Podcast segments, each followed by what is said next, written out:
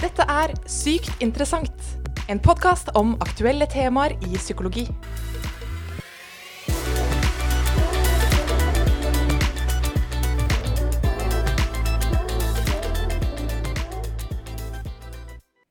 Velkommen til en ny episode av Sykt interessant. I dag så lytter du til meg, Mette Espe Myrmæl, og en av våre andre faste podkastredaktører, Ella Marie Sandbakken. Ja, hei, hei. Før vi setter i gang med denne ukens episode eh, om hvorfor vi følger sosiale normer, så har vi en annen ting å annonsere først. Ja, det har vi. Vi har noen nyheter, rett og Ja. slett. For eh, Sykt interessant det har jo vært en podkast drevet av psykologiavdelingen på Bjørknes høgskole.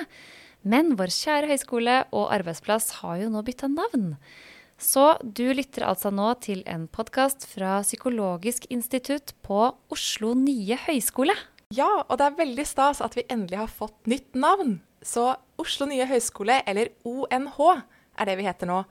Og siden gjentagelse, det er jo veldig bra hvis man har lyst til å overtale noen til å tro på et budskap.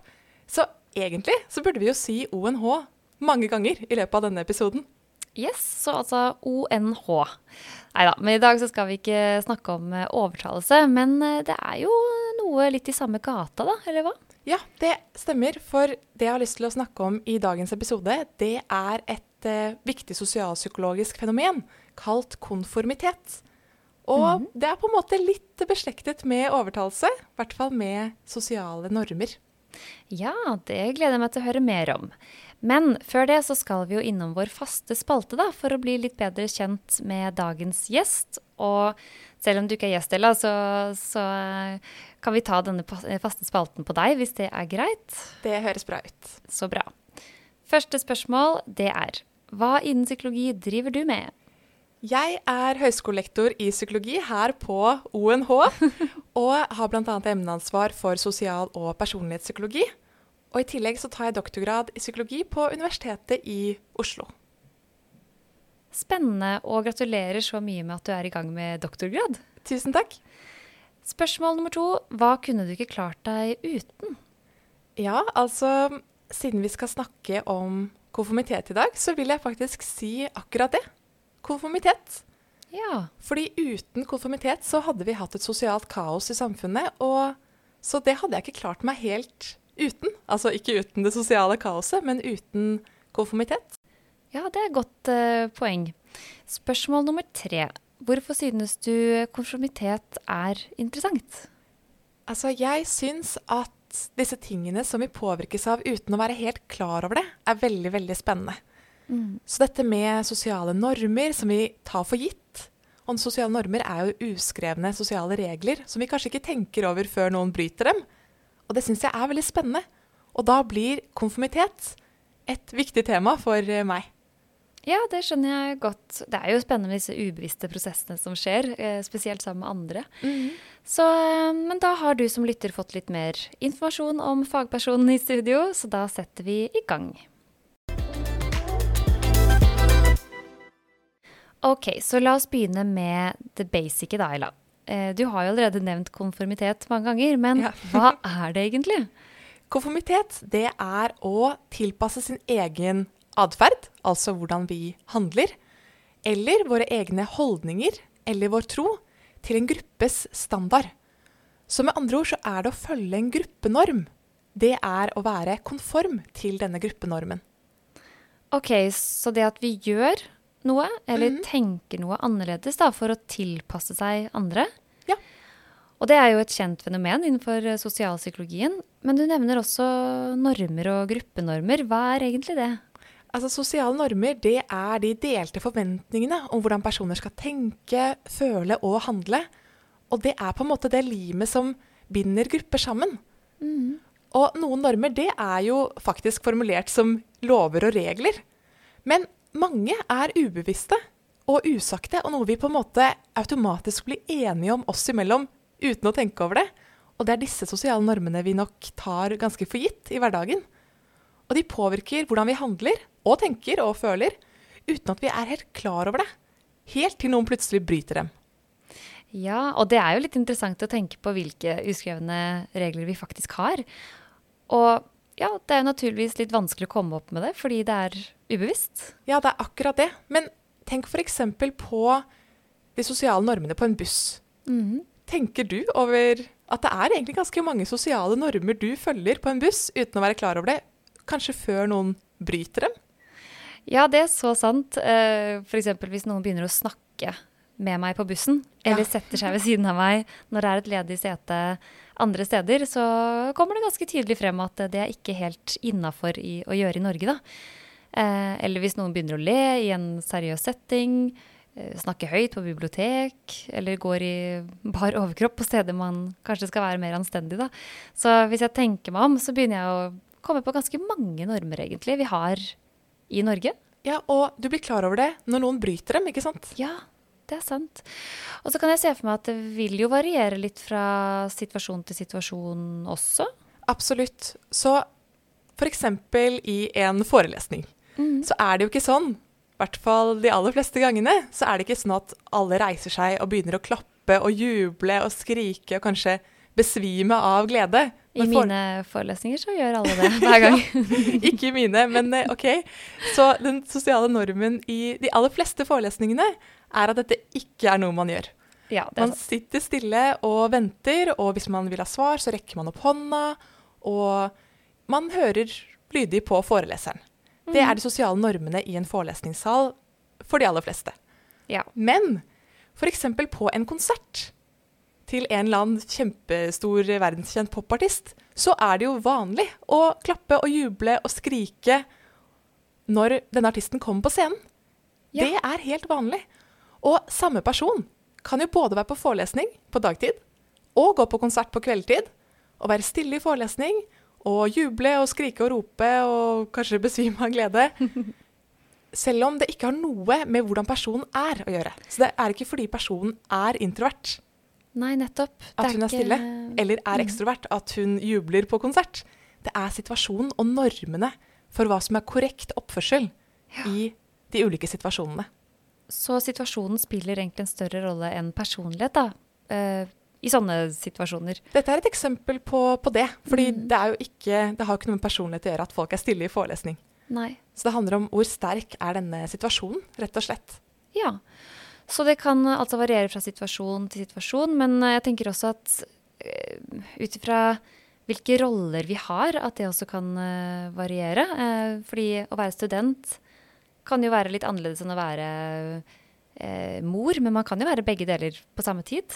Veldig godt poeng. Og dette med normer det henger også sammen med våre sosiale roller. Så det jeg sa i stad, var et eksempel på hvordan samme person, som jo har de samme sosiale rollene f.eks., kan oppføre seg annerledes ut fra normer knyttet til en bestemt situasjon. Men i tillegg så har vi jo ulike sosiale roller som også har et sett med normer knyttet til hvordan man er forventet å oppføre seg ut fra denne sosiale posisjonen. Ja. Så f.eks. å være høyskolestudent, eller å være politibetjent, eller å være gift, å være singel, å være kvinne, mor, sønn Disse ulike sosiale rollene har ulike normer knyttet til seg for hva som er regnet som korrekt, på en måte.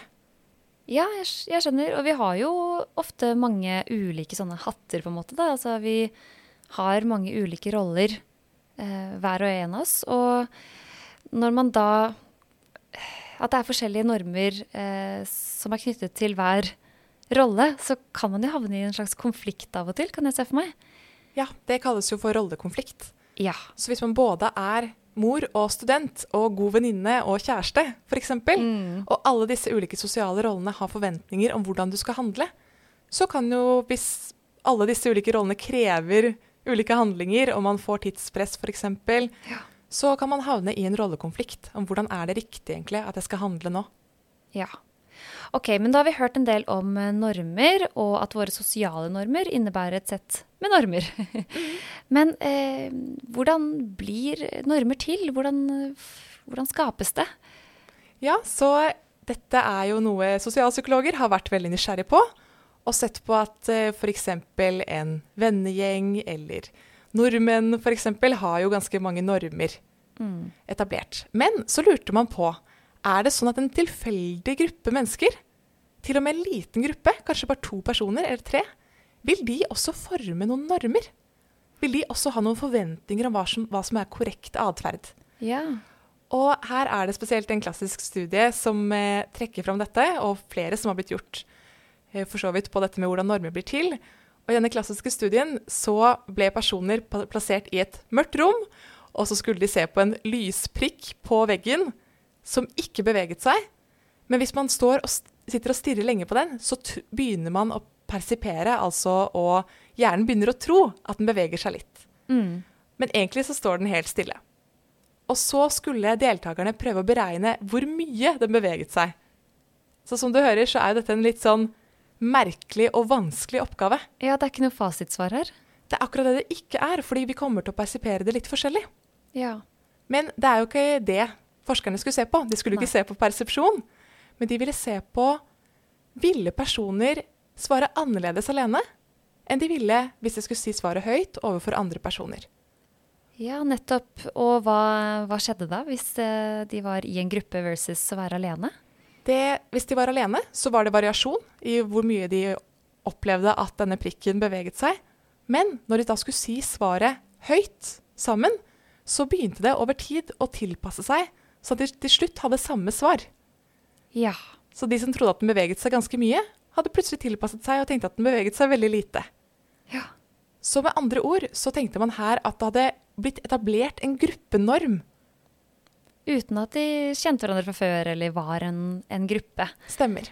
Uh, ja, så sånn kan det på en måte skapes. Det, da tenker jeg at det egentlig skjer veldig ofte, og ja, Ja, det i mindre det. grupper og på tvers av situasjoner og mm. Og det kan sikkert eh, du som lytter også kjenne deg igjen i. At til og med små grupper med mennesker, kanskje som ikke kjenner hverandre, kan få litt sånn raske automatiske forventninger til hvordan de andre skal handle.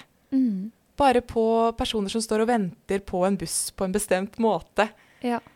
Og så er det jo mye tydeligere så klart, i en vennegjeng f.eks. Hvordan er normene her? Hvordan er det forventet at vi snakker? Hvordan er det forventet at vi Eller hvilke meninger er det forventet å ha, f.eks.? ja. Så normer blir nok enda litt tydeligere i etablerte sosiale grupper. Men det er ganske fascinerende hvor raskt de kan oppstå. Og når det da er nye normer som blir til, så er det veldig sjelden at vi sier sånn Hei, nå skal vi gjøre det sånn og sånn. Nå har vi bestemt at vi alle mener dette. Eller at vi alle går på denne måten, f.eks. Mm. Det er noe som bare skjer. Litt automatisk. Det er uh, mer ubevisst og automatisk uh, ofte. Men jeg kom til å tenke på en bok som jeg så på um, en bokhandel her om dagen, uh, hvor noen da har skrevet ned noen typiske sosiale normer i Norge. Den het The Social Guidebook of Norway eller noe sånt. Og så bladde jeg litt i den, og det var litt morsomt, for der har da forfatteren skrevet ned og illustrert mange av disse uskrevne reglene og normene da, som er i Norge. Typisk for folk som er på utveksling eller har nettopp har flyttet hit, som kan bli kjent med disse normene. Da. Og en klassiker er jo, ikke sant, eh, man skal hilse når man er på tur i marka, men du skal ikke hilse hvis du er på bussen og møter noen fremmede. Jeg syns det var litt morsom eh, lesning, og tenkte at vi kanskje er litt ekstra Ja, vi, vi har nok litt mange og kanskje litt sånn strenge normer i Norge. Det kan du si, og det er jo veldig morsomt med sånne eksempler. Og det som illustrerer veldig hvor automatisk det er, tenker jeg, er jo hvor ubehagelig det er å bryte dem. Ja. Så hvis en eller Det det har skjedd at forskere har bedt studentene sine om å gå ut og bryte en norm, uten selvfølgelig å bryte noen faktiske regler, men ved f.eks. å snakke med fremmede på bussen. Mm. Hvis bussen er tom, og det sitter kun én annen der, så skal du sette deg ved den ene som sitter alene, og begynne å snakke. Og det føles veldig ubehagelig Ja. å skulle bryte den normen. Mens hvis det hadde vært i marka, da, f.eks., som du sier, så hadde det kanskje ikke blitt sett på som så rart. Mm. Så den boka er kanskje for å skåne de som ikke er kjent med de normene, til å slippe å føle på det ubehaget da, ved å gjøre noe på en måte i hermetegn feil. Ja, det kan du si, og også for å forstå hvorfor folk vil reagere rart hvis man da Ja. snakker til noen på bussen. Mm. Nei, det er sant. Og så er det jo Jeg lurer også på om koronasituasjonen har gjort at vi kanskje har fått noen nye normer. Um, Det syns jeg jo jeg er veldig interessant, Ja. og det vil jeg jo tenke. ja. Så igjen, ikke sant? du som lytter og du, Mette, kjenner deg helt sikkert igjen i at det å hilse håndhilse. Mm. Det endret seg veldig. Ja. Så OK, man fikk ikke lov til å ha nærkontakt. Greit. Så da, da skulle vi jo ikke håndhilse. Da er det en regel. Men hva med når vi får lov til å håndhilse igjen? Ja. Gjør vi det da? For jeg merker i hvert fall at jeg blir usikker når jeg hilser på nye folk. Sånn OK, skal jeg faktisk hilse? Eller skal jeg ta meg til hjertet og si hei? Eller skal jeg nikke? Eller skal man gi sånn derre albuedult? Jeg kjenner meg igjen. Det er så vanskelig. Hva er på en måte normen nå?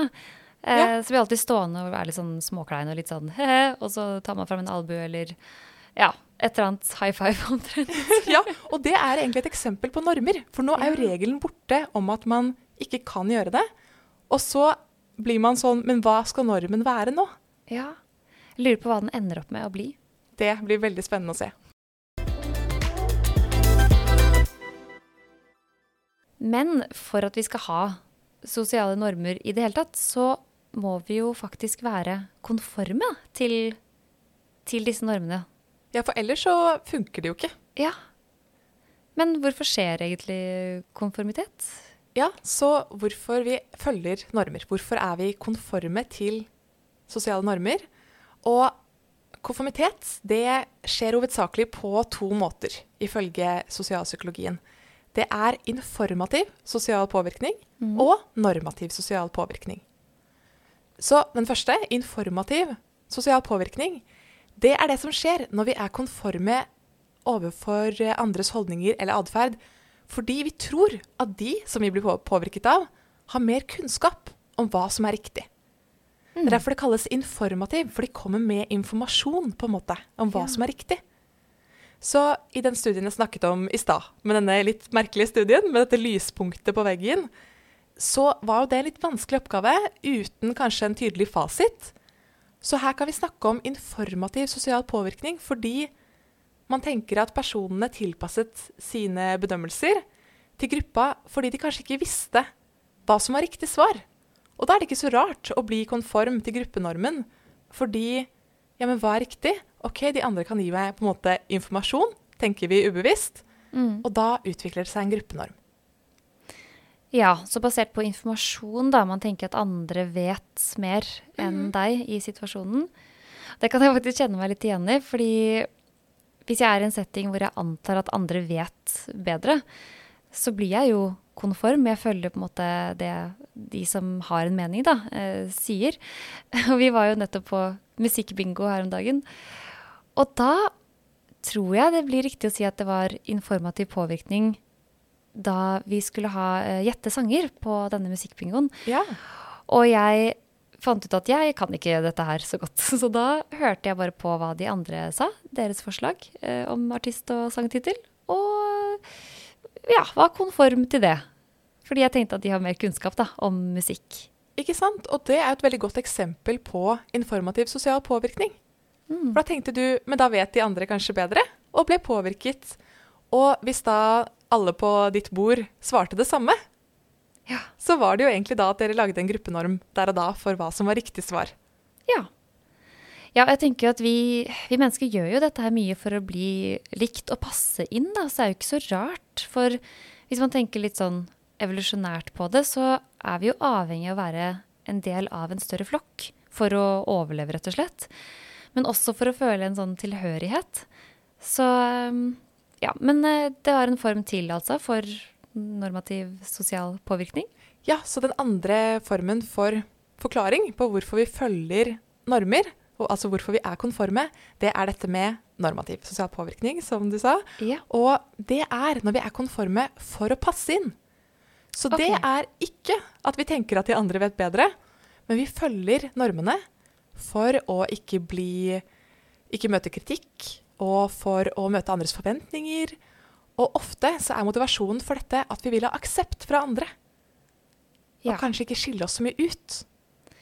Så for eksempel hvis jeg hadde tenkt at jeg hadde rett på denne musikkbingoen, at jeg hadde svaret på hvilken artist og sang det var, men jeg ikke sa noe fordi at jeg ville ikke lage noe eh, uorden eller eh, ikke hadde lyst til å si min mening, da hadde det vært mer normativ sosial påvirkning. Veldig, veldig godt eksempel. Og særlig hvis kanskje alle på gruppa sa et annet svar. Og la oss si at du var sikker da, på at det var et annet riktig svar, eller ganske sikker. Eller nei, la oss si at du er helt sikker. Ja. Men så sier alle de andre personene at nei, det er dette. Og så tør du ikke å gjøre motstand, og vil bare passe inn og ha god stemning. Og sier derfor også feil svar, selv om du vet at det er feil. Da er det et eksempel på akkurat sånn normativ sosial påvirkning. I noen veldig kjente eksperimenter så ble en gruppe personer de ble satt eh, sammen med, en, med, med andre, og så skulle de bedømme hvor lang en strek var. Og det var en veldig lett oppgave. Så det var lett å se hvilken strek som var lik den andre. Men så var eksperimentet rigget, som det veldig ofte er i sosialpsykologi, og de andre var skuespillere som var blitt bedt om å si feil svar. Ja, dette her er Æsj sin eh, konformitetsstudie, ikke sant? Stemmer, stemmer. Ja. Og da stakk, den stakkars deltakeren, som da så at eh, dette var feil Mange begynte etter hvert å si feil for å passe inn i gruppa. Ja. Så det var faktisk 37% som begynte å også si feil, for da var det mange runder hvor de skulle bedømme ulike streker, og alle de andre på gruppa sier feil.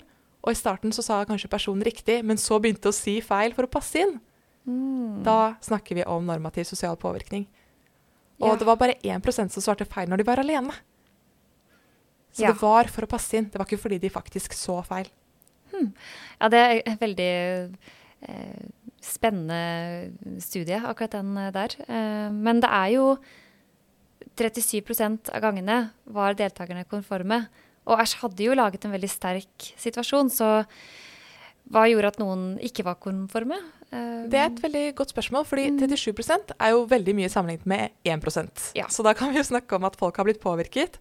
Men det er jo ikke halvparten engang. Nei. Så det er jo et viktig spørsmål. Hva er det som gjør at folk ikke er konforme likevel, når det er så mye sosialt press som det var her? Og her er det bl.a. det med at gruppestørrelse har mye å si. Hvor stor er gruppa? Og om det er om alle er enig, eller om bare én er uenig. Ja. For hvis én person sier noe annet enn resten av gruppa, så er det mye lettere for oss å ikke følge gruppepresset. Ja, og der har jo også personlighetstrekk noe å si. Vi er jo ikke helt like hverandre. Så ja, f.eks. folk som scorer høyere på føyelighet, vil jo eh, være mer tilbøyelige for å være konforme enn de som ikke er det. De kan i hvert fall være det, da.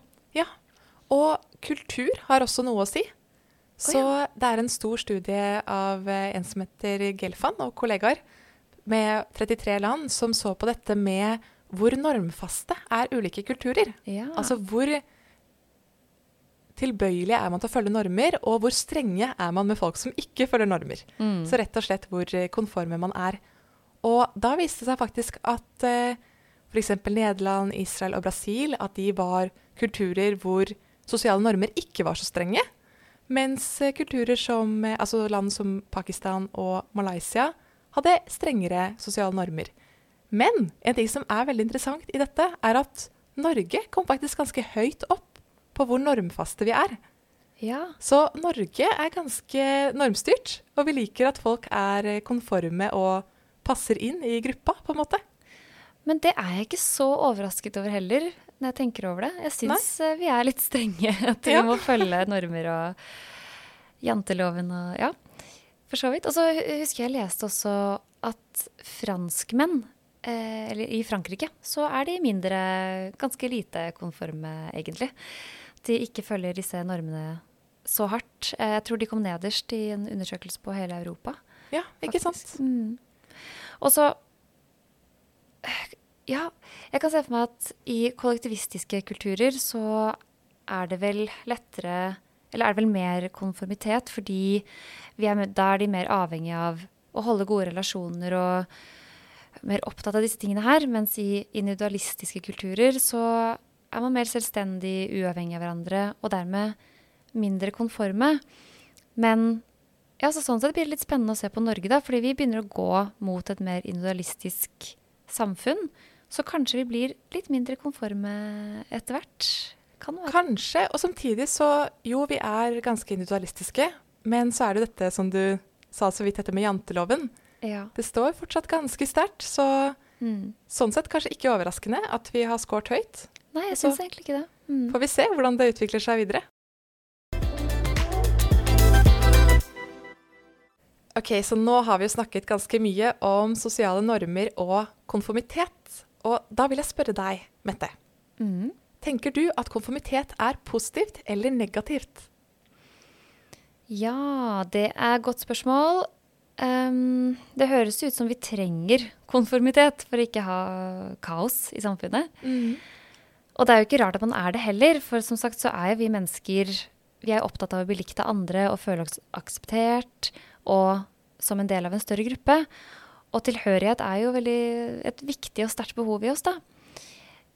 Men konformitet kan jo også være negativt hvis man tilpasser handlingene og atferden sin til en gruppenorm og gjør at, eh, som gjør at man egentlig Eller ja, hvis man tilpasser seg på en måte som gjør at man egentlig ikke står inne for det, eller at man, eh, det går utover sine egne verdier og hva man egentlig mener. Så jeg vil vel egentlig frem til både og.